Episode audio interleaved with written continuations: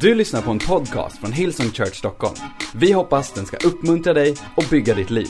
För att få mer information om Hillsong och allt som händer i kyrkan, gå in på www.hillsong.se. I've been speaking from Isaiah 55 about thoughts and ways.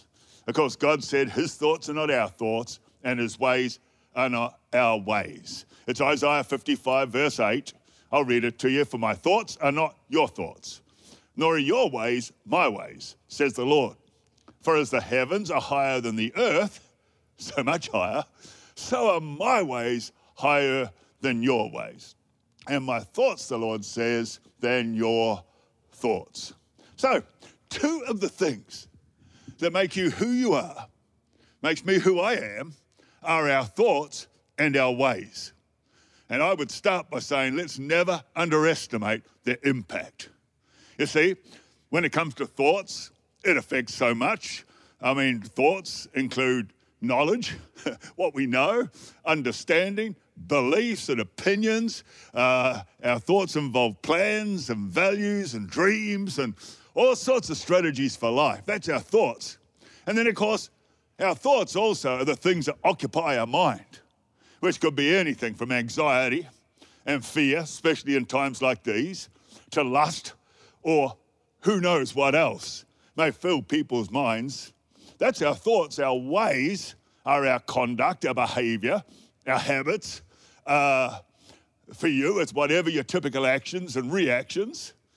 It's the way we treat people, the way we use things, the way we approach challenges. These are our ways.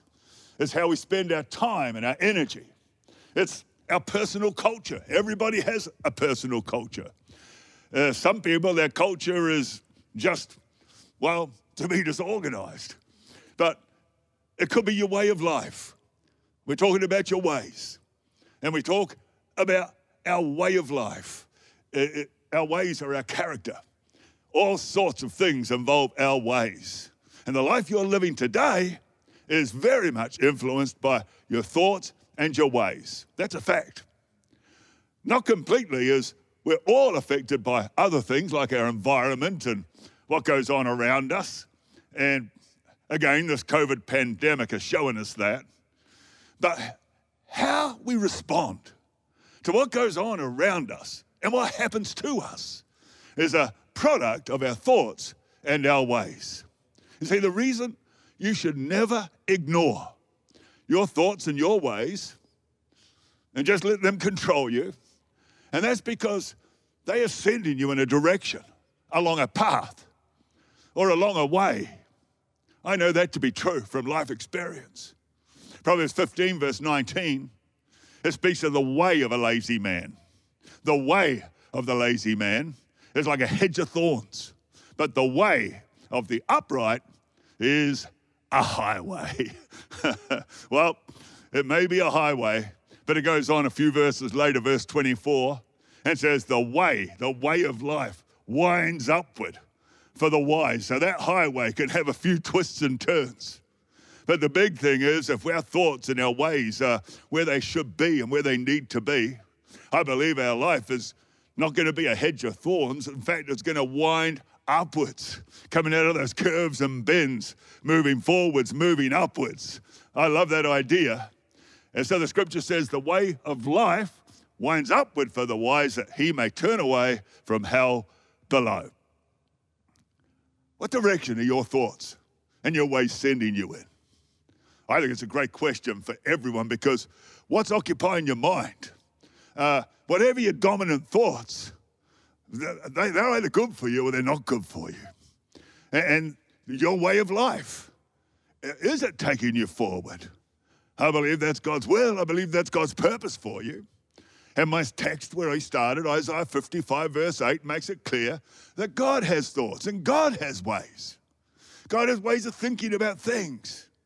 He has ways of thinking about you. He has things that occupy his mind. I love the fact that you are on God's mind. I am on God's mind. What a powerful thought. And the wonderful thing about God's thinking, of course, is it's unpolluted, it's pure. It's not polluted by sin and the insecurities that can get on the back of our thinking and our ways. No, no. God's thoughts are pure. And God's ways of behaving, God's ways of acting, His way of treating people, and His way of pursuing His determined purpose. We know, we know there's a huge gulf between God's thoughts and ways and ours. Don't kid yourself to believe anything else. You see, His thoughts, His ways, they're not human thoughts and they're not human ways. But it's important. It's important not because his thoughts are hidden or because they are harder, but because they are higher. His thoughts and his ways are higher than our ways and our thoughts. Um, you see, if you ask me how are they how are they higher than ours? Well, they come from an entirely different vantage point. You think about that. I remember once, actually, a long time ago in Sydney, where I was driving in the morning to the airport, and in those days, um, some of the road that's now motorway going to the airport was still just streets, and there was a huge traffic jam, like massive. And at one point, I thought I was going to miss my plane. No GPS in those days, so I couldn't see if there's any alternate route anywhere. But funnily enough, I made the plane, thank God. And as the plane took off out the window, I could see that same traffic jam. And I could see that there were ways I could have gone to take a shortcut or to miss traffic that I simply couldn't see in the jam of traffic. I think life's like that. And God's looking from here. God sees things from the point of eternity. He sees all of history, whether it's past, present, or history future. You see, in a single view, he is Alpha and Omega. He's the beginning and the end. I think it's Isaiah 46 says, God knows from the end the beginning and from ancient times things not yet done. That's the power of God. We can only see things from our time and our place. He sees things from the point of omniscience.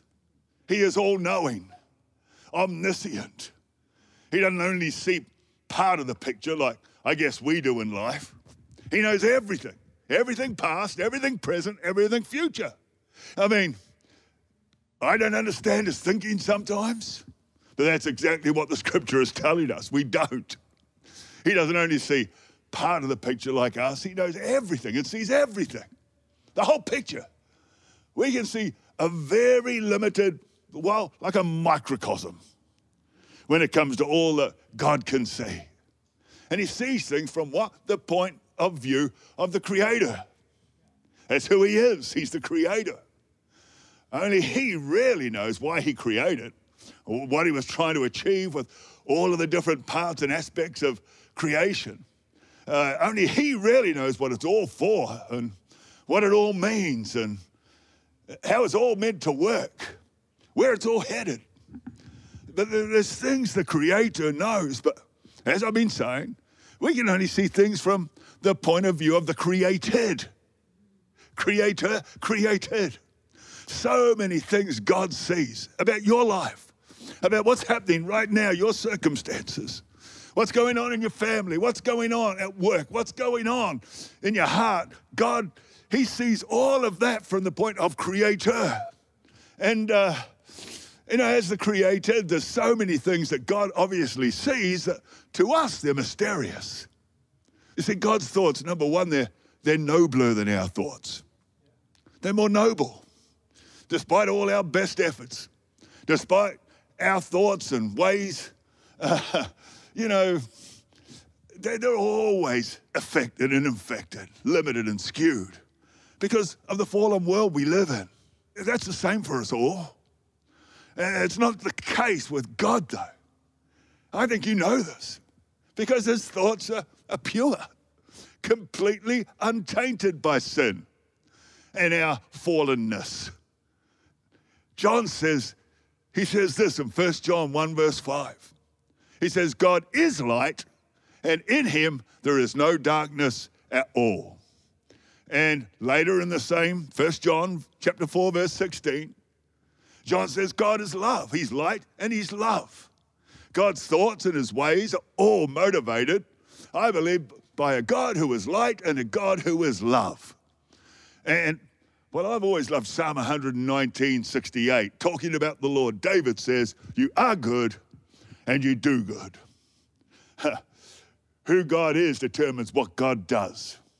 Sadly, who people think God is also determines what they think God does. But He is light and He is love. And He's good. You are good and you do good. his thoughts and His ways are good. Be encouraged. God's thoughts and ways, when it comes to you, they're good. Uh, God's thoughts are more noble than ours. And second, God's thoughts and his ways are so much bigger than ours. I mean, we can be small. You might, you might say, well, speak for yourself. Okay, I will. One time, an old pastor, uh, someone told me he'd been criticizing, not publicly criticizing, the lyrics of Hillsong songs. And uh, I, I, was furious. I, I, you know, I was just like annoyed. And I was going to write him a letter. I'm good at writing the letters I never send. Yeah. Oh my goodness, every word destined to cut. But anyway, I was talking to another pastor friend and told him about this. And I said, I'm going to I'm to contact him. I'm going to. And this other pastor says, Brian, you're bigger than that. And I'm like, Am I? and I thought, Yeah, I'm bigger than that. God's thoughts and ways are never restricted by smallness like ours can be, or meanness. I mean, people can be so mean. That's what I hate about the way social media is going. People can be so mean. They feel like they've got a right to treat people with disrespect no matter who the people are. So, but God's not, He's not restricted by our smallness or, you know, by meanness or pettiness or offense or t- feeling threatened. Some of the stuff us humans can, can struggle with. His thoughts and His ways lead to expansive ways of living, not expensive, expansive. We can sometimes think we're, well, we're thinking pretty big and committing ourselves to a pretty big life.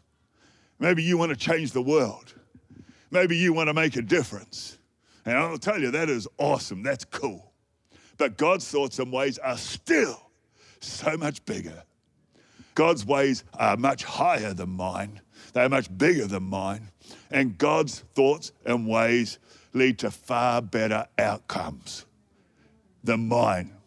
That's why I want to tap into who God is more and more. Jeremiah 29, verse 11, it's a favorite where the Lord says, I know the thoughts that I think towards you, says the Lord. Thoughts of peace and not of evil, to give you a future and a hope. To give you a future and a hope. God's thoughts and ways have better outcomes, a God given future, a God given hope. If you're in a hopeless situation right now, take that on board. And then we should all ask ourselves, what occupies our mind? What fills our thoughts? Is it worry? Is it anxiety? I have times when I fight anxiety. Is it fear? Is it bitterness? Is it hurt? If these are what fills your mind, then sadly, and I think it is sad, the outcome of your life will be shaped by those thoughts and those ways. What occupies God's mind? What fills his thoughts? thoughts of peace and hope for the future. Be encouraged. God's thoughts and his ways are just higher than ours. How much higher? Well, as high as the heavens are above the earth. The gulf between our thoughts and our ways and God's, it's huge. I mean, so vast and would seem virtually unbridgeable. But imagine this imagine if you could get access to God's higher thoughts. If you could start to think how He thinks. And if we could learn even just some of His ways, what kind of difference that would make in our lives. How would your life be different if your thoughts and your ways were able to be lifted so they were more like God's, how much would my thoughts and my ways change?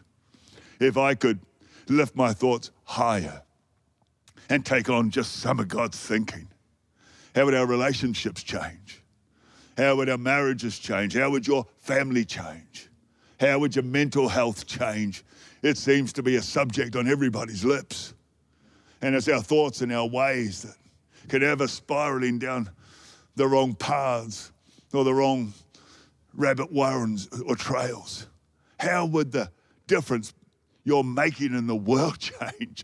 For us as a church, how much even more would our impact on the world around and about us change with just taking on God's thoughts and taking on God's ways? How much closer to God could you be? How much more fruitful and fulfilling your God given purpose could you be? If your thoughts and your ways could be lifted closer to God's, it's this desire for our thoughts and ways to become like God's that is behind prayers like, well, like Moses prayed, like David prayed. In Exodus 33, verse 13, Moses, he was in the wilderness, in the desert, and he says this to the Lord If you are pleased with me, teach me your ways, that I may know you. He wanted to know the ways of God and continue to find favor with you. The verse continues. David in Psalm 25, verse 4, he prayed too Show me your ways, O Lord. Teach me your paths. That's why David goes on to say in the big psalm, Psalm 119, verses 15 and 16, I will meditate on your precepts. Precepts are thoughts. I will meditate on your thoughts and contemplate your ways. And then he goes on, I will delight myself in your statute. I will not forget your word. And I guess it's that idea that Jesus has in mind in the Gospels when he, he invites, he's speaking to a crowd, and in Matthew 11, verse 29, he says, Take my yoke upon you and learn from me, for I am gentle and lowly in heart. And listen, you will find rest in your souls. Jesus is saying, Learn from me. Learn from me. How do we go about learning God's thoughts? And how do we how do we go about acquiring his ways? And you know what? You might think, well, you go to the Bible. And of course, that's always a good place to go. But the first place to go is Jesus. Jesus first, Jesus second, Jesus last. Uh, I love the Word of God, and the Scripture makes it clear that Jesus is in the Word. In our pursuit of Jesus, the Word, the Bible is a great place to be and a great place to go. Just a couple of weeks ago, and the next verses in this Scripture in Isaiah, after speaking about God's thoughts and ways and our thoughts and ways, it goes on and compares, remember, the Word of God to rain that comes from heaven and waters the earth and it talks about what the word's doing, and the promise was it will not return to him void. It will accomplish.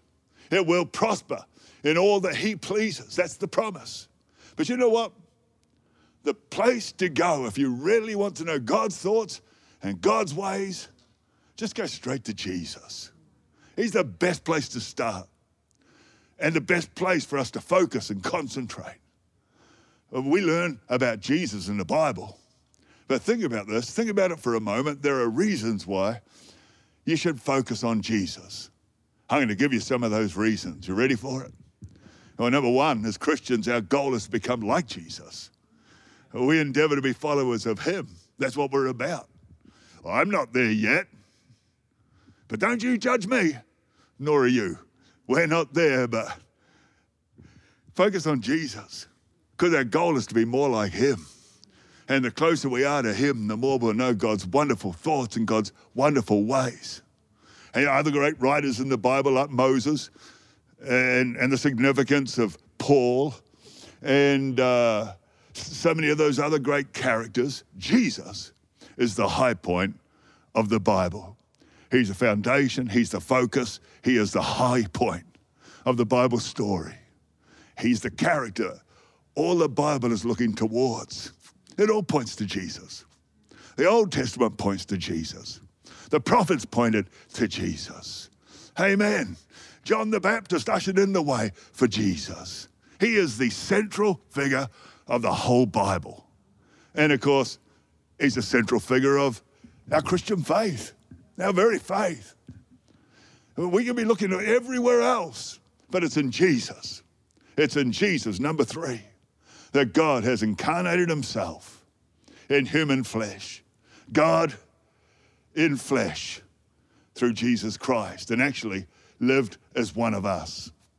So if we want to learn God's thoughts and we want to know God's ways and see what they look like when they're lived out in a human life, well, incarnate Jesus.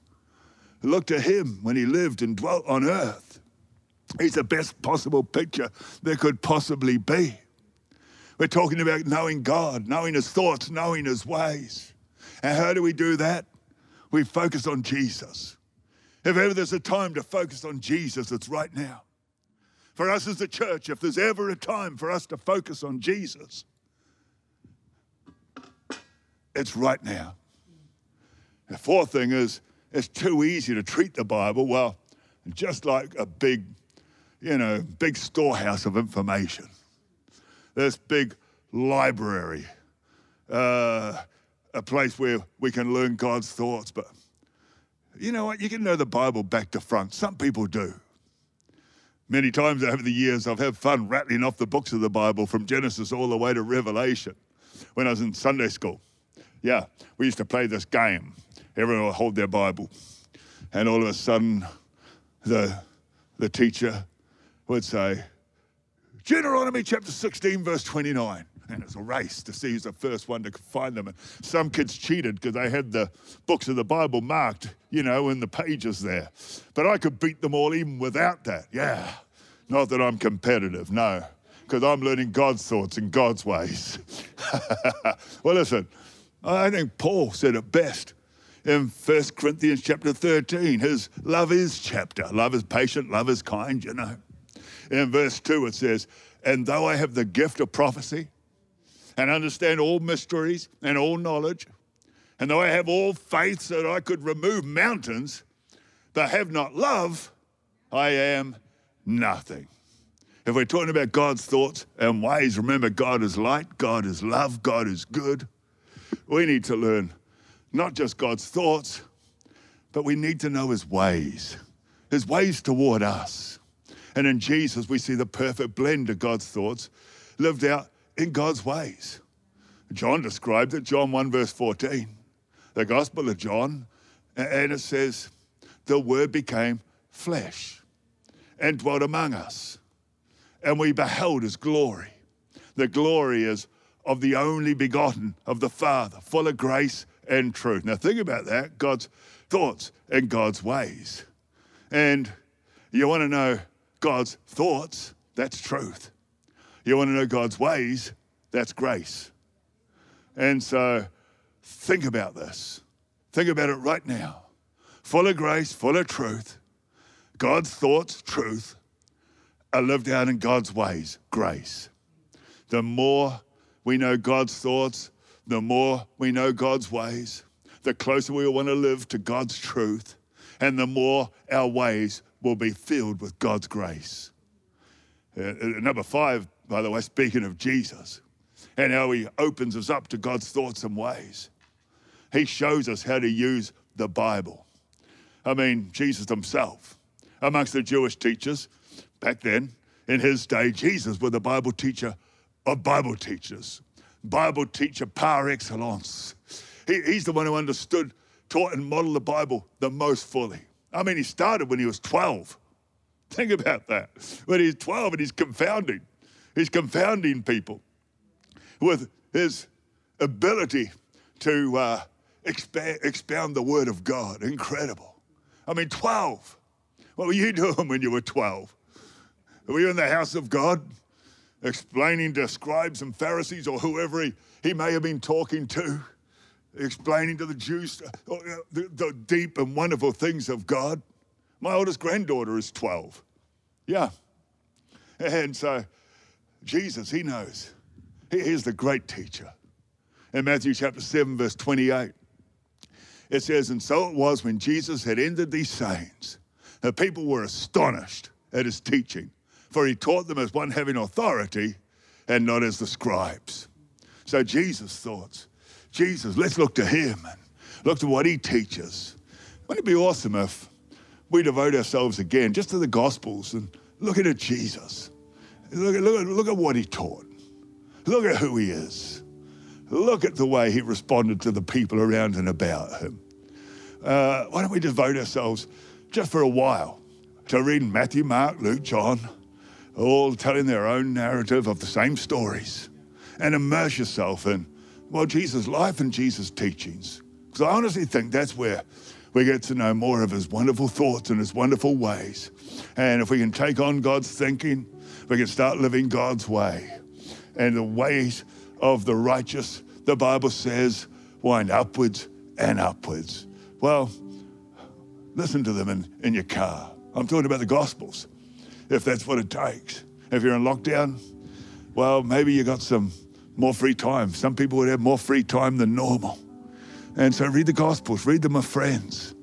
I'll just say this as we unify around Jesus, every one of us, we'll all together take on his thoughts and more of his ways. And from that, our lives will be changed. And in fact, our whole world will be changed. How? Because of the life changing message, the message of Jesus, and through the incredible life of Jesus. I think you'd all join me in saying, Thank God for Jesus. That's what praise is. That's thanking God for Jesus. That's what worship is, focusing on who Jesus is. And it's in knowing who Jesus is that his thoughts and his ways will be clearer. And we can live in that grace and that truth and see our own lives go forward and make sure we're on a path towards God's, God's precious promises for our lives. So, Lord, I just pray today your word will speak deeply to people. And Lord, I ask you in your name, teach us your thoughts, teach us your ways. Help us to focus on Jesus. Turn your eyes upon Jesus. Look full in his wonderful face. And the things of earth will grow strangely dim in the light of his glory and his grace. Thank you for it, Jesus. Amen. Du har lyssnat till en podcast från Hillsong Church Stockholm. Om du vill veta mer om vår kyrka eller om våra söndagsmöten, surfa in på www.hillsong.se.